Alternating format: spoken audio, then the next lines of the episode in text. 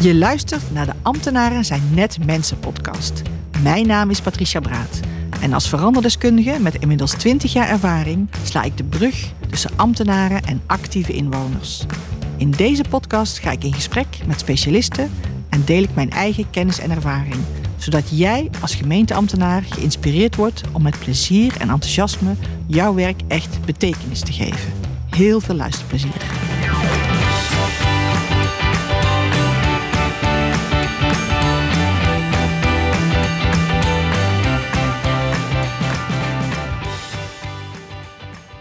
Welkom bij de 32e aflevering van de blog Ambtenaren zijn net mensen, waarin ik interviews met inspirerende ambtenaren afwissel met persoonlijke podcasts over waar ik zelf tegenaan ben gelopen in mijn lange carrière.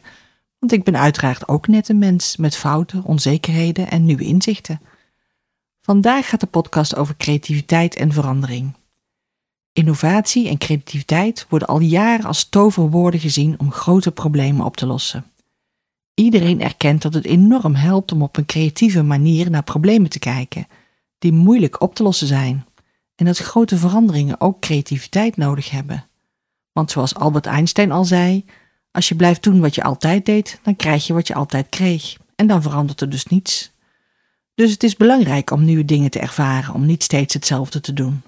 Maar ik heb ook gemerkt dat veel mensen creativiteit uitleggen als iets wat je hebt of niet. Ik heb mezelf ook jarenlang niet gezien als een creatief persoon. Ook al kreeg ik bij mijn functioneringsgesprekken regelmatig te horen dat ik met creatieve oplossingen kwam. Maar creatief, dat was voor mij het maken van kunst. Het was in ieder geval absoluut niet wat ik deed. Maar ik ben er inmiddels achter gekomen dat dit niet waar is. Ik denk dat iedereen creatief kan zijn. Maar dat we het in de loop van de jaren afleren om onze creativiteit te laten zien. Ga maar eens een ochtend in een kleuterklas zitten en dan vliegen de creatieve ideeën je om de oren. Maar als je als kind en later als volwassene alleen maar te horen krijgt dat je de dingen op een bepaalde manier mag doen, dan leer je dat af. Wolken zijn niet paars, maar wit, en een paard heeft vier benen en geen hoorn. Ik was een droomrig kind. Ik vond het heerlijk om in mijn eigen fantasiewereld verhalen te verzinnen. Ik hield niet van ruwe spelletjes of drukke bezigheden, maar kon uren in een hoekje met een stapel stenen, wat wasknijpers en andere zaken mezelf vermaken. En ik kan nog steeds in mijn hoofd allerlei verbindingen maken tussen dingen die ik zie, hoor of ervaar, om daar nieuwe mogelijkheden uit te halen. Ik ben dus bekend met de kracht van fantasie en ik kan dus best creatief mijn brein inzetten, maar vraag mij niet om muziek te maken, te schilderen of toneel te spelen. Ik gebruik dus mijn hoofd om creatieve verbindingen te leggen, maar dat is niet altijd zo geweest. In mijn dagelijks werk kom ik veel mensen tegen die de hele dag in hun hoofd zitten. Ze zijn bezig om problemen te analyseren, uit te diepen, beleidstukken te schrijven, te discussiëren en te verantwoorden. Allemaal zaken waar je hoofd een belangrijke rol speelt. En het is voor mij heel herkenbaar. Ik ben ook jarenlang een hoofd op pootjes geweest, zoals een van mijn trainers laatst beeldend zei. Vreemd genoeg ben ik eigenlijk een gevoelsmens, maar de kracht van je denkkracht is heel groot. Terwijl ik in mijn studententijd vooral op mijn intuïtie en mijn buikgevoel vertrouwde, heb ik in mijn werkzame leven vooral gebruik gemaakt van mijn hersenen. Ik begon daar op een gegeven moment last van te krijgen, doordat ik van alles ging twijfelen.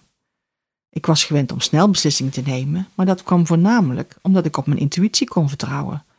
Toen ik het gevoel had dat ik alles eerst moest bedenken, begon ik te veel zaken af te wegen en werd het soms een lijdensweg om een belangrijke beslissing te nemen. Tot ik op het punt kwam dat ik zelfs lijstjes begon te maken met voor- en tegenargumenten. En toen was het genoeg en schakelde mijn lijf gewoon soms mijn hersenen uit. Sommige beslissingen kun je nou eenmaal niet met alleen denken nemen. En in mijn ervaring worden beslissingen alleen maar krachtiger wanneer je zowel je hoofd, je hart en je buik kunt inzetten. Creativiteit is een vaardigheid die je kunt leren. Je moet het jezelf wel toestaan en ermee bezig zijn. En dat hoeft echt niet veel tijd te kosten. Iedere dag iets anders als anders doen, bijvoorbeeld je tanden poetsen met je andere hand, een andere weg naar je werk fietsen, of gewoon jezelf toestaan om 10 minuten naar buiten te gaan en naar de vogels te luisteren, helpt anders naar zaken te kijken. En het helpt uiteraard niet echt als je in een omgeving werkt die creatief denken niet bevordert, maar je bepaalt uiteindelijk zelf hoe je hiermee omspringt. Zet bijvoorbeeld eens andere stoelen in de vergaderzaal en hang interessante posters aan de muur.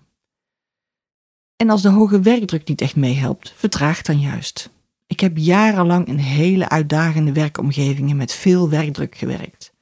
Organisaties waarbij mijn collega's vroegen of ik een halve dag vrij nam als ik s'avonds om zeven uur eindelijk de deur achter mij dichttrok. Maar ik heb ook geleerd dat juist wanneer ik maar door blijf gaan en niet af en toe vertraag en mezelf toesta om naar buiten te gaan, ik veel minder effectief ben. Soms is alleen even in de tuin rondlopen al voldoende om op nieuwe ideeën te komen.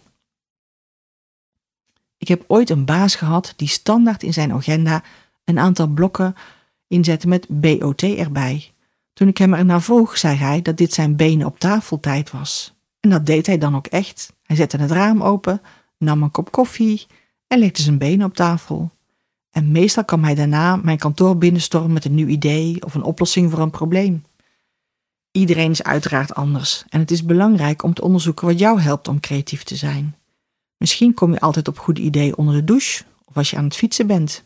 Ik krijg altijd ideeën in de auto, vooral als het een bekende route is. Gek genoeg heb ik dat alleen als ik zelf moet rijden, omdat mijn brein dan in een soort flow komt. Ik heb mezelf aangeleerd om mijn telefoon in de houder bij de hand te hebben en ik heb een app die mijn stem kan opnemen en dan spreek ik het idee gewoon in. Soms heb ik het ook net als ik wakker word, of dat nu midden in de nacht is of in de ochtend. En in de natuur wandelen is voor mij ook een belangrijke bron van ideeën. En ik ga helemaal aan als ik een gesprek voer met een inspirerend mens. En dat is ook waarom ik deze podcastserie zo geweldig vind om te doen. De interviews die ik afneem bij de ambtenaren van deze podcast leveren mij ook steeds nieuwe ideeën op.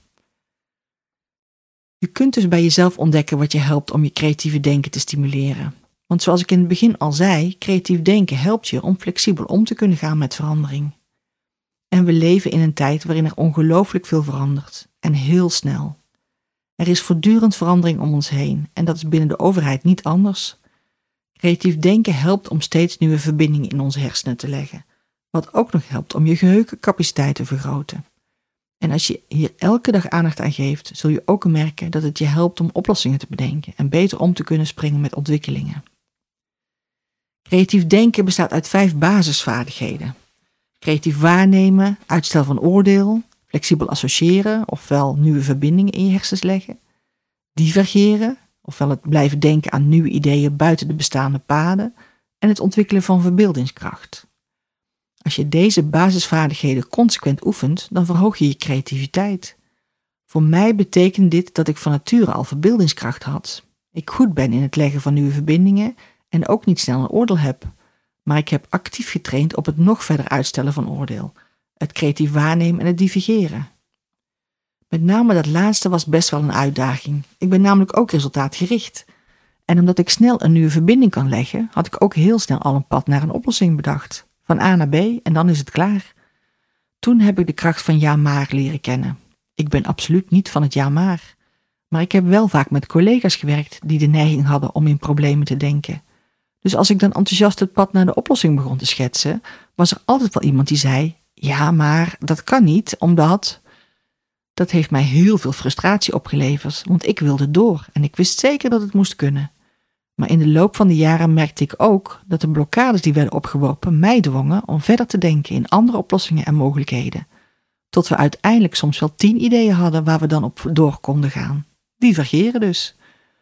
En dat oordeel uitstellen, dat heb ik de laatste jaren nog verder geperfectioneerd. Door bijvoorbeeld actief te luisteren naar iemand die een hele andere mening had dan ik over een onderwerp waar ik best wel gepassioneerd iets van vond dan geen reactie geven en alleen maar te luisteren en ook geen oordeel te hebben in mijn hoofd, dat heeft boeiende zaken voor mij opgeleverd. Er zit altijd een verhaal achter. En ook al ben ik het dan nog steeds niet eens, er is bijna altijd daarna wederzijds begrip voor elkaars mening. Ik hoop dat ik jullie een beetje heb kunnen helpen om op een andere manier naar creativiteit te kijken. Dit was het weer voor vandaag. Bedankt voor het luisteren en tot de volgende podcast. En als je de aflevering leuk vond, laat het dan even weten. Dat vind ik leuk. En ik hoor ook graag wat jullie ervaringen met creativiteit zijn. Tot de volgende keer. Dit was weer een aflevering van de podcast Ambtenaren zijn net mensen. Heel erg bedankt voor het luisteren. Je kunt je abonneren op de podcast via je favoriete podcast-app, zoals bijvoorbeeld Apple Podcast of Spotify. Was het een interessante aflevering voor je?